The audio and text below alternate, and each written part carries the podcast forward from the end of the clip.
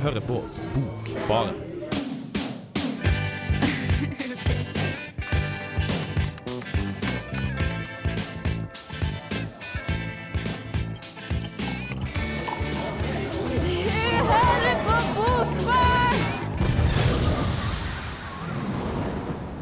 Hei, hei, og velkommen til Bokbaren. Um, I dag så har jeg for øyeblikket ingen med meg i studio, men de kommer nå.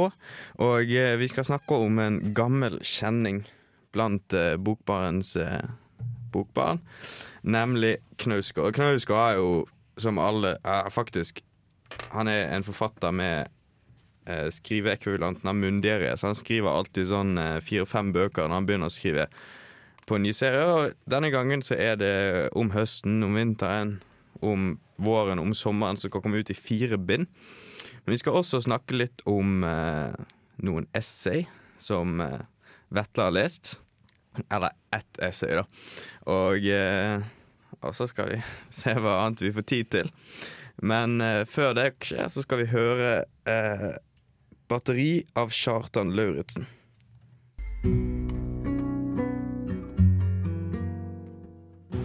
Sex with you is really a Kafkaesque experience. Thank you. Bokbarn. Bokbarn. Du vet, jeg har faktisk litt sansen for um, disse her eh, bergensrapperne. De begynner å bli litt bra nå. Før var det ganske shit, men nå har de begynt å faktisk lage kanskje ikke god musikk, men ordentlig musikk i hvert fall. Ja, jeg syns de har holdt nivået ganske lenge. Yo-guttene satte standarden for noen eh, år tilbake. Ja, men det er jo det er først nå de på en måte har eh, virkelig gjort det store. Nå vet alle hvem de er. Men det er ikke det vi skal snakke om. Vi skal snakke om uh, Knausgård sin essayikk. Og du har nettopp lest et uh, essay av han. Det stemmer. Eh, Som- Kom til 2013. Heter så mye som 'Dit ut der fortellingene ikke når'. Ganske interessant. Og det, altså dit ut fortellingene ikke når uh, Det er veldig Knausgård ikke ut. Han skriver mest sannsynlig om noe, eh, noe som ikke kan skrives om. Ja, han skriver om eh, litteratur og eh, forholdet mellom forfattere og eh, redaktører. Litt sånn type ting. Hva, hva er litteratur? Og så har han også skrevet ganske mye om sitt eget forfatterskap. Han er jo glad i å skrive om seg selv, så jeg fikk nesten litt følelsen av at han hadde komprimert eh, deler av Min kamp og skrevet et lite sammendrag om det midt inni der. Så han byr veld, veldig mye på seg selv. Det er jo ikke nytt. Er det bra? Ja, Nå har jeg ikke lest så mye annet Knausgård, så jeg Nei, nei, jeg mener, jeg mener men, eh, essayet. Ja, jeg fikk, fikk overraskende mye ut av det. Fikk eh, lyst til å, lyst til å lese mer. Og eh, før jeg kom på sending her, så snakka jeg med en eh, venn av meg som også hadde lest et par essays av eh, Knausgård. Og han sa at uh, han likte Knausgård så godt fordi eh, han skriver, han skriver, tank, skriver ned tankerekkene sine nesten akkurat sånn som han selv tenker. Og jeg skjønner veldig godt hva han mener med det, for at det er veldig tatt rett fra, fra hodet, virker det som. da. Um, tankene er direkte sånn som Du, du får skikkelig godt innblikk i, i hans, eh, hele tankerekka hans, ikke bare enkelte tanker her og der. Så han, han byr deg veldig langt inn i sitt eh, eget sinn. Og Det er jo egentlig det, det, det som gjør de Min Kamp-bøkene så feite. Det er at Han skriver om helt banale ting, men han skriver de dritlange tankerekkene sine som sprer seg så ufattelig langt. Og eh, det er kanskje det han er mest kjent for å gjøre. Men det er for øvrig det essayet du har lest. Det er faktisk fra essayboken hans 'Sjels Amerika'. Mitt favorittessay fra den boken Det er en som heter eh, 'Den brune pølsen'. Og det handler om bæsj. Og eh, det er ganske banalt, men han begynner med de der tankerekkene sine. Så driver han og skriver om sånn eh, hvordan all menneskelig frihet bare forsvinner med en gang du må drite. Som, no, eller hvis du må tisse skikkelig mye. Bare tenk er ute på byen og så drikker du litt for mye, og så må du pisse jævlig mye. Du kan ikke flørte med en dame da. Du kan ikke bestille en ny øl da, for det eneste du egentlig tenker på, det er at du må tisse. Ja. Og så skriver han eh, to-tre sider om dette fenomenet og drar det ut i masse forskjellige hjørner. Ja, for det er nettopp det som er helt kult med Knausgård, at han skriver mye om, det, mye om det åpne, det som alle ser, men han tar deg også med litt inn i mørket. Han tar deg med inn på do, og eh, han tar, tar skildrer at han sitter og driter, liksom. Og, og det er jo litt ting som kanskje ikke er så vanlig, men, eh, men nettopp derfor han kanskje har fått eh, den anerkjennelsen han har fått. Ja, men det er fordi alle sammen som kan kjenne seg igjen i det nesten. Altså Alle sammen har jo et, i hvert fall en eller flere av de tankerekkene som Knausgård har. Og han knytter dem på en måte opp mot noe veldig menneskelig, egentlig. Han skrev faktisk om eh, den, eh, den passasjen du nettopp snakka om, at han satt på do og sånn, i det essayet jeg leste, hvor han skrev at han opprinnelig skrev det i, eh, til, til Min kamp, men så ble det tatt ut derfra, og at han kanskje skulle skrive et essay i stedet. Ja, det det er ganske Jeg lurer på hvor mye som ble tatt ut fra Min kamp-bøkene. Det må ha vært noe som var for drøyt. Ja, han skrev, eh, skrev ganske mye om det i essayet sitt, eh, det som jeg leste nå. Eh, Og overraskende mye som ble tatt ut, men han har jo skrevet de bunkene av en, en noen mursteiner. Så, så det er jo ikke så rart at mye av det ble kutta bort, både av praktiske årsaker og at folk ikke gidder å lese så utrolig mye, selvfølgelig. No wonder. Han har, et, han har vel et godt forhold til forlagene forleggeren sin. Det er egentlig ikke så rart, for den forleggeren må ha jævlig mye arbeid med Knausgård sine arbeider. Ja, han, han skrev mye om uh, hans forhold til, uh, til uh, redaktøren sin. Og han rosa han ganske opp i skyene. Både eh, med at han, han selv hadde ikke klart å skrive i nærheten så godt hvis det ikke var for han. Og han skrev også om, andre forfattere som han, eh, redaktøren, har eh, tatt, tatt debutanter. Og eh, etter, eh, etter samarbeid med han så har de fått strålende kritikker og virkelig eh, blitt et ansikt ut der. Så det er tydelig at han, eh, han har et talent. Nå er jeg litt usikker på hva han heter. For redaktører får jo ikke så mye, så mye ros for eh, jobben de gjør, som forfatterne. Nei, det er, det er egentlig ganske sant. Det er litt synd nå, egentlig, fordi jeg tror de står bak mye av eh, det ferdige verket. Mye mer enn en vi tror, siden det er jo ikke deres navn som står på, eh, på boka. Jeg tror de har eh, Jeg tror det er en veldig god forståelse for sånn um, på en måte det å, det å redigere, det å si 'skriv dette om igjen', ta dette ut. De ser på en måte helhet mye bedre enn forfatter. De gjør jo mye arbeid selv, selv om de kanskje ikke skriver. Så er de veldig sånn, Jeg tror de er veldig støttende når det kommer til 'dette er drit', 'dette her passer ikke inn i stilen 'dette er helt ute på jordet'. Ja, De gjør jo det type arbeidet. Han, eh, Redaktøren til Knausgård skriver faktisk selv, da. Gjør han det? Men, ja, men han skriver helt annerledes enn Knausgård gjør. Selv om han er veldig fan av Knausgård, så Men man trenger jo ikke å like bare de tingene man skriver selv heller. Nei, nå skal vi gå videre til eh, en sang, og dette her er Weezer med 'King of the World'. Hallo, dette er Karl Ove Knausgård. Hver gang jeg er i Trondheim, så hører jeg på Bokbaren. Et fantastisk, eh, fantastisk bokprogram. Ja, ja, vi er tilbake. Og eh, nå har vi endelig fått eh, Johannes inn i studio. Hallo. Og eh, siden du ikke har vært der Slapping. Han har ikke vært slapp, han har faktisk jobbet eh, aktivt med en anmeldelse vi skal høre senere. Men eh, vi har nettopp snakket ferdig om eh, det tette forholdet mellom Knausgård og redaktøren hans. Mm. Og, Redaktøren hans, det er vel han um, Ikke Geir Gulliksen han snakker om, da. Jeg tror, jeg hørte ikke at dere snakka om det nå, men han, jeg tror aldri han nevner det i det det? Jo, han skrev masse om han. Ja, men han nevner ikke navnet hans. Nei, det var det jeg reagerte Ja, litt på, for ja. jeg, er jeg plukka det andre opp. i hvert fall Nei, men det er et litt sånn typisk. Knausgård, at han omtar ja. Så, Men det er da ja, Er det så typisk Knausgård, egentlig? Han eh, er jo ganske glad i å navngi eh, karakterene sine med ja, men, ja. Ja, men tingen er at når han for en gangs skyld roser en person oppe i skyene, så bare sånn fuck navnet hans. Dette gidder jeg ikke. Du har kanskje litt rett, det, han gjør jo ofte det, men sånn av og til i hvert fall. Og særlig de to siste bøkene, blant annet er de vi skal snakke om i dag, om vinteren og om høsten, så gjør han det en del at han omtaler personer som bare bare fornavnet deres, da, uten å navngi dem fullstendig. Men ja, Geir Gulliksen han er jo forlagsredaktør da, på Oktober forlag, og, og forfatter sjøl. Noen som har lest noe av han, eller? Nei. Nei. ikke jeg heller. Men han har skrevet, skrevet noen romaner og noen diktsamlinger, tror jeg. Ja, det, altså Han har sikkert skrevet noe. Han har jo drevet mye med forfatter og sånn. Men det som er Det jeg husker å lese fra Jeg vet ikke om det er min kamp, men Knausgård skriver jo at han alltid må levere manusene sine inn til eh, redaktøren sine, for han vet aldri om det er drit eller gull. Mm. Som at han alltid syns at det han skriver er dårlig, så må han få høre at redaktøren sier Men dette er jo dritbra. da Først da mener han selv at det er bra. Ja, det er akkurat det han sier, at han stoler ikke på seg sjøl. Om, altså, om han syns det er bra, så tror han, tror han ikke på det at det er verdt noen ting. Ja, han er ganske selvkritisk, altså. Ja, og det er vel det den teksten handler om òg, ikke det? At eh, han, Jo, han drøf, på det. ja. han drøfter hva han, eh, hvordan han redaktøren jobber, da. Ja. Og at det ikke handler om Ja, nå har dere kanskje nettopp snakka om det? Ja, Jeg har ikke snakket om akkurat det Altså. Nei, nei, det han, om han tar opp ganske mye forskjellig, da. Ja, han gjør det. Så det jeg tenkte på nå, var det at han, um, han jeg, Hvis jeg husker rett, så snakker han om at um, det å skape litteratur da, handler veldig lite om å, å gå inn og um, liksom vurdere og liksom si hva, hvor bra er det, men heller å gå inn i det med et åpent sinn. da.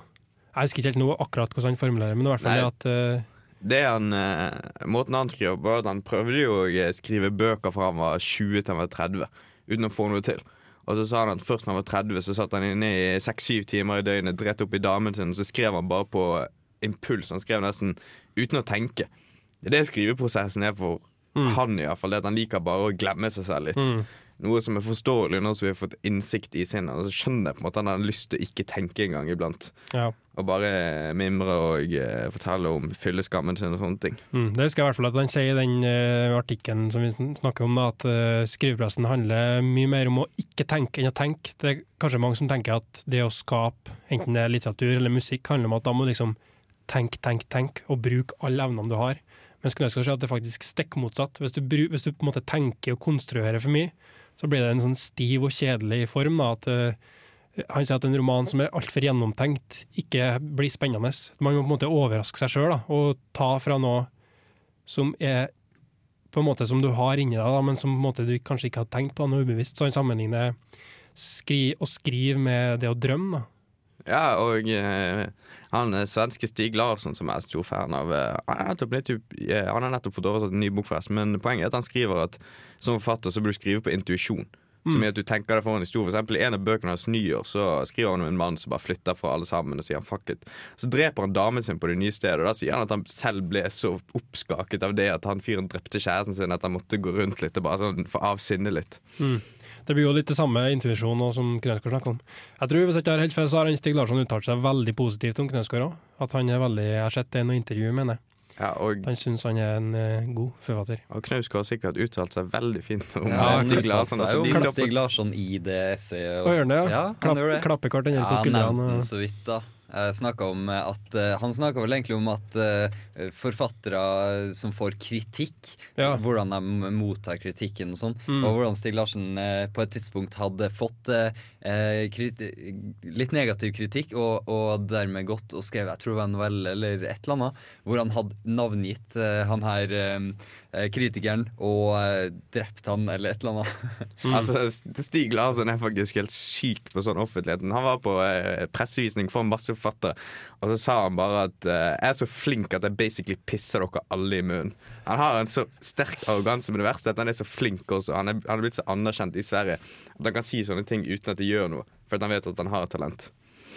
Mm. Ja, det syns jeg er litt kult med Knøsker, at han ikke er så sinnssykt arrogant. Sånn, eh, han, han har jo samarbeida litt med, med Renberg. Jeg vet ikke om dere var på Samfunn eh, i fjor, da de hadde sånn eh, Renberg med venner. Nei. Det var veldig tydelig at Renberg eh, liksom skrøt veldig av seg selv og Knausgård, mens Knausgård var litt mer sånn her med Ja, jeg, jeg er helt enig med deg. Jeg synes han virker veldig ydmyk. Men jeg har hørt noen som sier, blant annet ei som var med i Bokbarn her før, som heter Hanna. Hun syns, han, øh, syns faktisk at han virker arrogant igjen.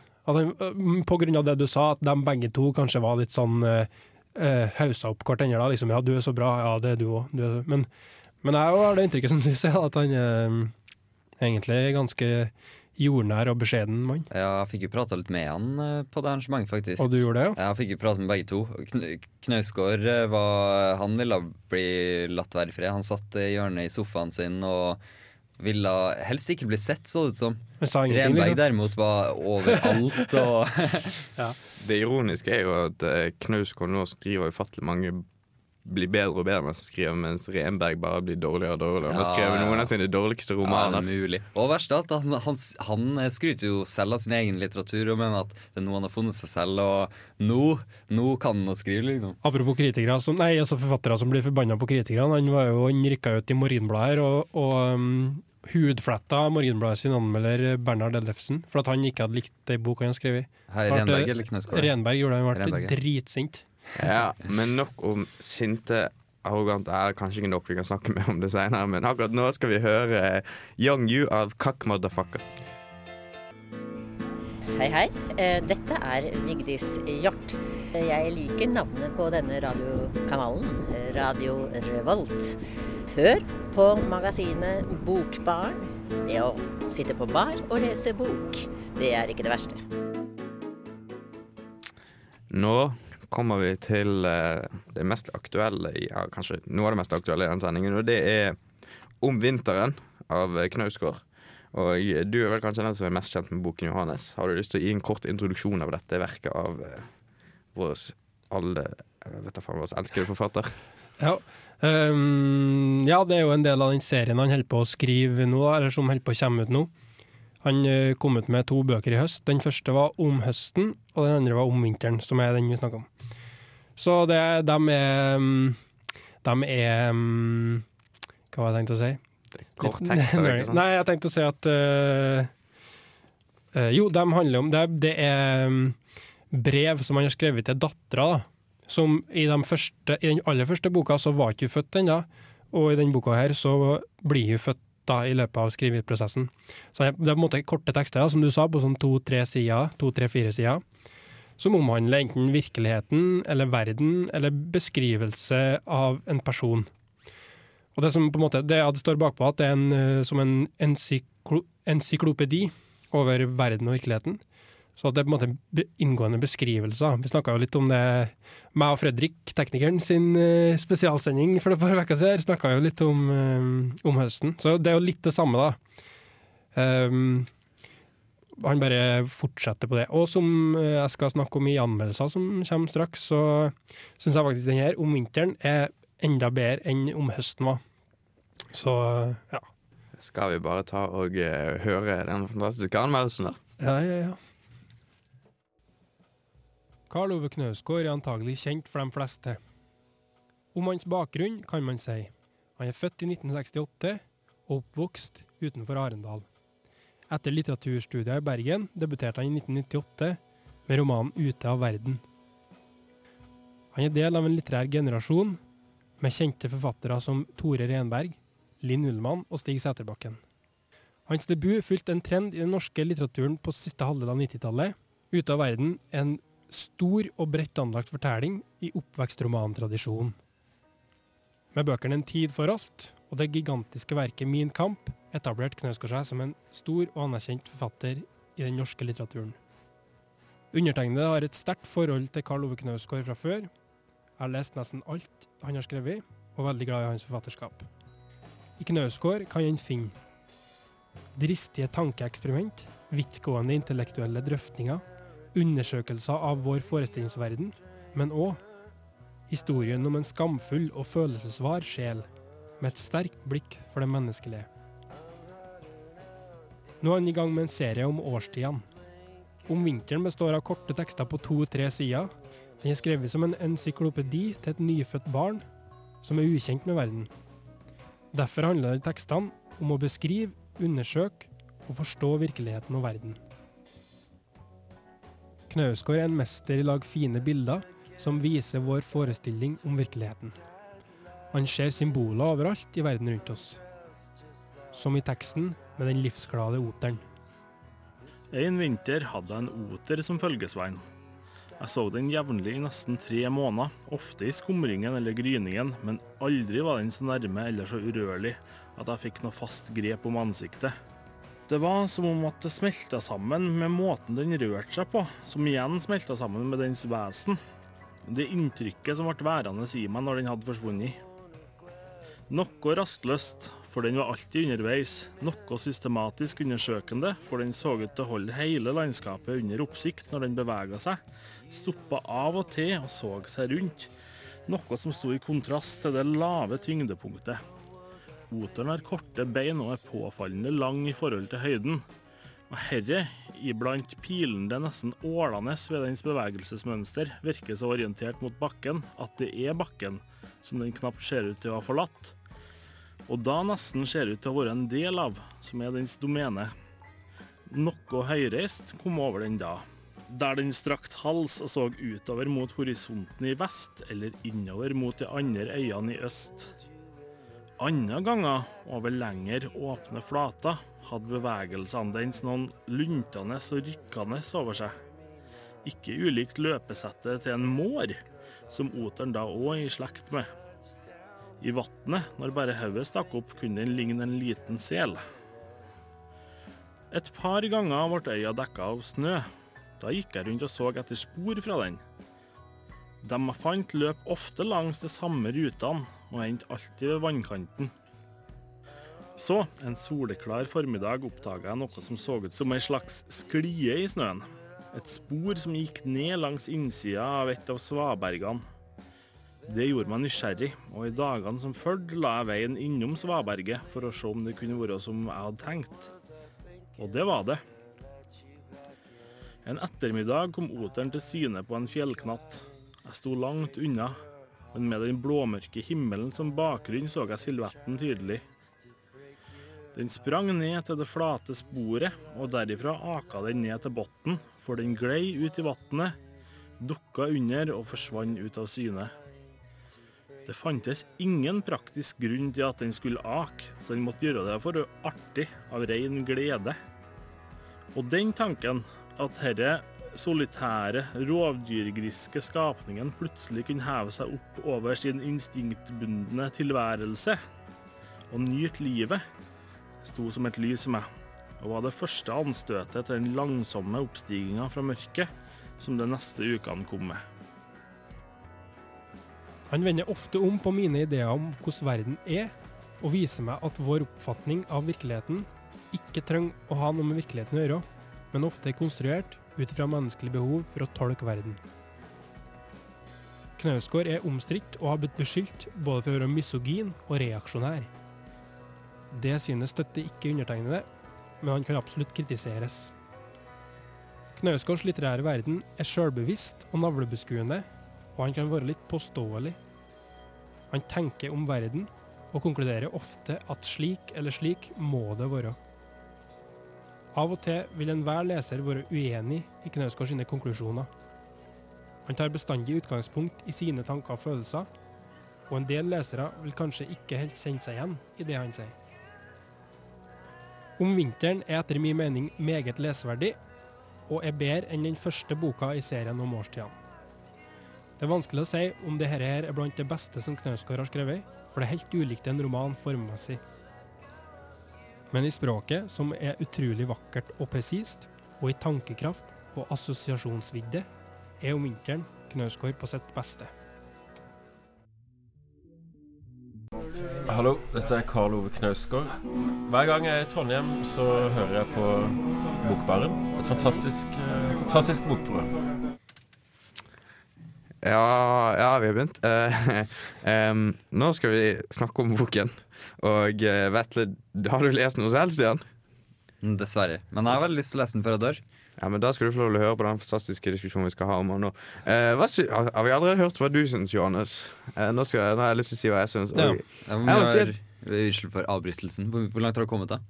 Eh, jeg har lest hele boken, men jeg har hoppet over sånn eh, to-tre eller Ja, du, du, har, du har lest nå? hele, men du har hoppa over Ja, ja, men jeg hoppet eh, Jeg har lest den fra perm til perm, men jeg hoppet Jeg har bare lest de tekstene som er mest interessante, for den har sånne enkle titler. 'Den første snøen' og sånne ting. Det ser de jeg syns så kule ut. Og det var de jeg leser, i hvert fall, de var ganske eh, top notch språkmessig. Um, for jeg, det er veldig knausgård ikke å på en måte se veldig mye i veldig lite. Mm. Jeg syns òg det er ikke bare top notch. Jeg er enig i det at det er top notch språkmessig, men det som imponerer meg veldig, og som jeg liker veldig godt med han, og det gjelder andre bøker hans òg, det er at han på en måte Jeg nevnte, jeg prøvde å nevne det i anmeldelser, at han tenk, prøver å tenke veldig vidt. Prøver å tenke veldig sånn eh, annerledes. Og det her har jeg lest i noen sånne artikler. Han sier han er opptatt av det at eh, det, må, det her er jo ikke en roman, da, men at uh, litteraturen, og særlig romaner, må det. Må søke noe annet, liksom, noe annerledes og noe nytt. da. Så det han gjør, eh, er jo at han eh, tar for seg en kjent ting. Som det kan være hva som helst. Han Vi snakker om mynter og stoler, fyrverkeri, personer han kjenner. Og de er, som vi snakka om i stad, bare angitt med et fornavn, f.eks. For Thomas eller Kristina. Og så på en måte beskriver han det på en må veldig enkelt, men òg veldig inngående. Som eh, gjør at du på en måte får et helt nytt syn på det. Du hadde et eksempel på det, Jonas, med, med stolen. Ah, stoler. Hvem tenker på stoler noen gang? Ingen for faen. Men det, det som jeg er bra med den stolteksten, at den skriver om eh, eh, at stoler er laget for én person. Alt egentlig ligner litt. Det er i samme kategori som benker og sofaer og sånne ting, men de er en og den laget for én enkelt person. For eksempel hvis, eh, selv hvis to kjærester, er en gutt og en jente, eller en gutt og en gutt, hva du liker, setter seg på fanget til en annen på en stol, så blir det litt sånn ubehag. For du bryter på en måte noe der. Mm. Men så skriver han og det, her, synes det blir bra, skriver han Men i sofa så går det helt fint. Så det har ikke noe med menneskene å gjøre. Det har noe med det vi tenker på som stol sin oppgave å gjøre, egentlig. Ja, det er akkurat det han setter på en måte tingene, og, eller fenomenet av virkeligheten, i perspektiv etter hvordan vi tenker om det. Hvordan forestillinger vi har om det. Og jeg vil også si at han har et veldig sånn sterkt og godt blikk for det sosiale, da, hvordan det sosiale fungerer. Ah, Som eksempel i det du sa nå, at um, det at en stol er for én person, en, men en sofa er for mange, og så på en måte tar han da utgangspunkt i hvorfor det sosialt er sånn. Og Det finnes andre eksempel på det, og noe av det mest på en måte kanskje kontroversielle, som syns jeg i hvert fall er en tekst som heter 'Seksuelt begjær', der han prater om akkurat det. da. Han Prater om kåthet, liksom? Eh, ja. Og det han sier om det, da, er at eh, det er jo en slags eh, Hva er det han kaller det? Det er i hvert fall et sånn primærbehov da, på linje med tørst, sult og behovet for søvn. Og i tillegg, da, sex, i tillegg til seksuelt begjær, sier han. Nei, jeg vil ikke påstå altså, Nei, jeg litt tørst, så må jeg drikke hvis ikke så dør jeg. Hvis jeg er veldig kåt, så trenger jeg ikke å runke eller ha sex, for Ja. jeg dør jo ikke uten det.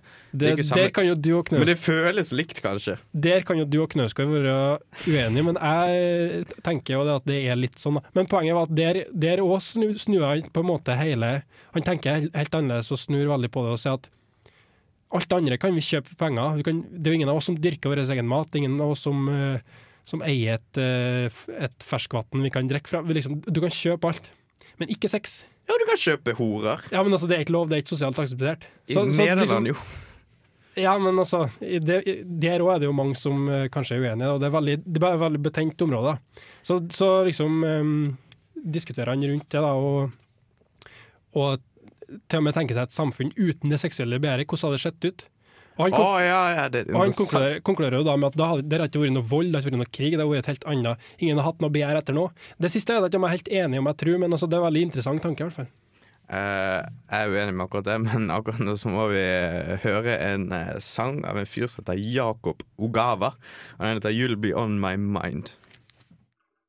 This is Alan Moore, and you're listening to The Book Bar. Ja. Um, uh, ja, ja. Nå, nå har jeg lest en seksen om eh, seksuelt begjær, og han skriver han, skriver, han sier, sier at uh, alt kan, Det er ganske interessant. Det sier at alt egentlig kan kjøpes. Du kan kjøpe sånn uh, dagmamma og sånne ting. Og det er egentlig ganske creepy. Det å kjøpe noe som tar vare på barna dine mens du er på jobb, det er ganske intimt. Men det er... ja, skal du si noe mer? Nei. Jeg skal bare si at det er interessant Jeg har ikke tenkt over det, jeg sier om jeg er ikke, men det er interessant at sex er en av de, kanskje den eneste tingen som ikke er tillatt å kjøpe. Sånn, det går helt fint. Jeg, jeg tror det er mer sosialt akseptert å kjøpe atomvåpen enn å kjøpe sex. Du Tror det er mer sosialt akseptert å kjøpe atomvåpen? Jeg tror det er det. Men det er jo ingen som Det er ikke så, det er ikke så aktuell problemstilling, kanskje. Nei, Noen kommer til å si hei, du, nå har jeg kjøpt meg atomvåpen. det får folk gjøre gjør. De selger svarte markedet i Ja, ok, Russland. det er mulig. Men, eh, ja. Nei, men som du sier, det Og det er jo noe som er det særegne med Knausgård. Det er rart hvordan han får det til, men det har jo med, jeg tror det har med språket hans å som du sa, liksom det presise språket og måten han tar seg fram gjennom å skape undring da, over, over det han snakker om. Men det, jeg tenkte si at det er rart hvordan han greier å gjøre det. for at Som du sa nå, det med dagmamma. Det er sikkert, det fleste vil si ja, det er jo helt vanlig. Å sette ungene i barnehage, ja. Men det er ikke før Knausgård begynner å snakke om det at du tenker ja, faen, det er litt rart at du kan kjøpe den. Det er jo en tjeneste du kjøper. Ja. Alt er noe du kjøper. En annen, en annen tekst som jeg liker ganske godt, er den om uh, mynter. For der skriver Han skriver om det jeg har tenkt mange ganger før. det At de, ikke, de har egentlig ingen verdi, de har bare verdien vi gir dem. Men det kule han skriver, er at vi driter langt opp i verdien de har. For mynter er ikke så viktig. Vi bare hiver de overalt. Vi mister de i sofaen, vi legger de på tørketrommelen. Vi samler de i skåler og sånne ting. Selv om det er penger, så tillegger vi det egentlig ikke noe særlig verdi. Er ikke lenger nå. Nei, nei, nei, mens papirlapper, sånn eh, pengesedler og sånne ting, det er jo dritviktig. Mm. Selv om det på en måte er mindre verdifullt i eh, materialet. Men det er kanskje noe mer at metall Han skriver at det kanskje har noe med at metall på en måte er noe som vi er så, vant til. Mm. At vi ikke anser det som noe viktig lenger. Ja, kanskje det. Og igjen nå så gjør han jo et sånt smart grep fortellermessig med at han eh, han sier at pengene er jo bare verdt noe så lenge vi tror på den ideen. Så, så A, det er en idé da, om at de er verdt noe. Det er på en måte, Hvis ingen av oss eller hvis alle i et helt samfunn har sluttet å tenke at pengene er verdt noe, så er de ikke det lenger. For de er jo bare symbolverdi. Og og da det han Smartan gjør, da, at han sammenligner det med fortelleren, forfatteren, da, som òg er avhengig av å på en måte bevege seg langs den grensa da, til hva man kan tro på. Men ikke over. Det må ikke liksom det kan ikke bekke over sånn at folk ikke tror på fortellinga heller, men eh, at på en måte det er det en forfatter veksler inn. da.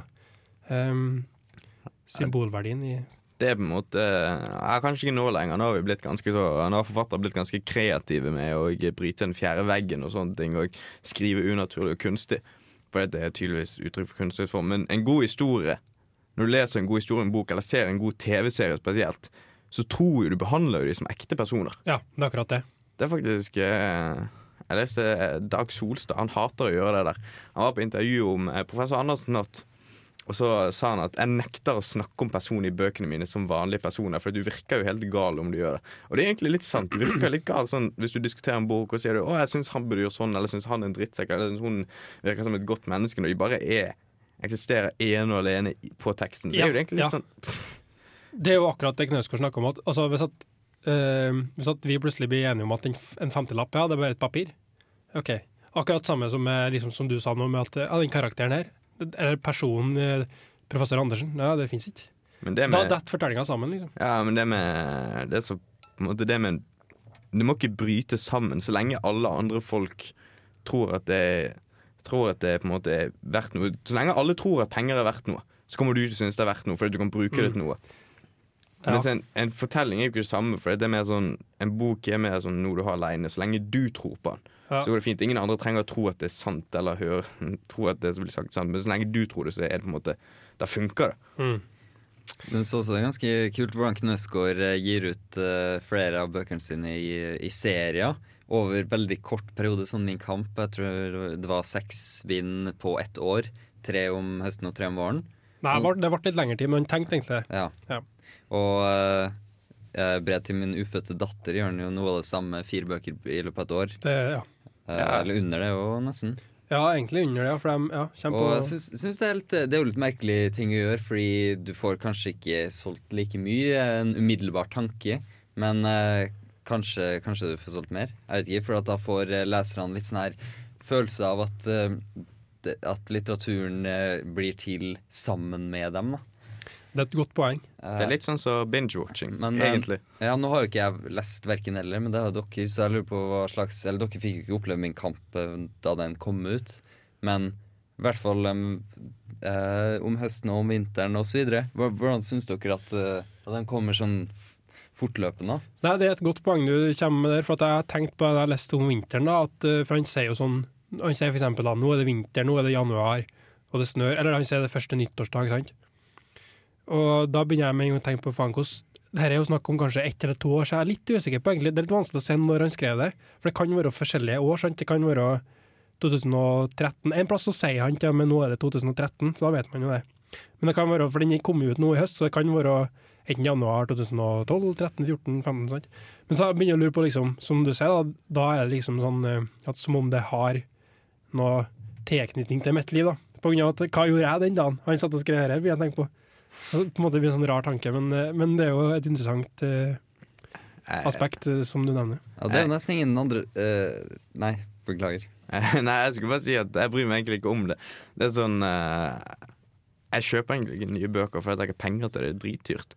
Så om han uh, gir det ut uh, det, er, det er litt kult, egentlig. Jeg føler om at det blir ferdig Hvis han sier at han skal gi ut fire bøker, så er det digg at han får ut de fire bøkene så raskt som mulig, sånn at jeg kan lese i mitt eget tempo.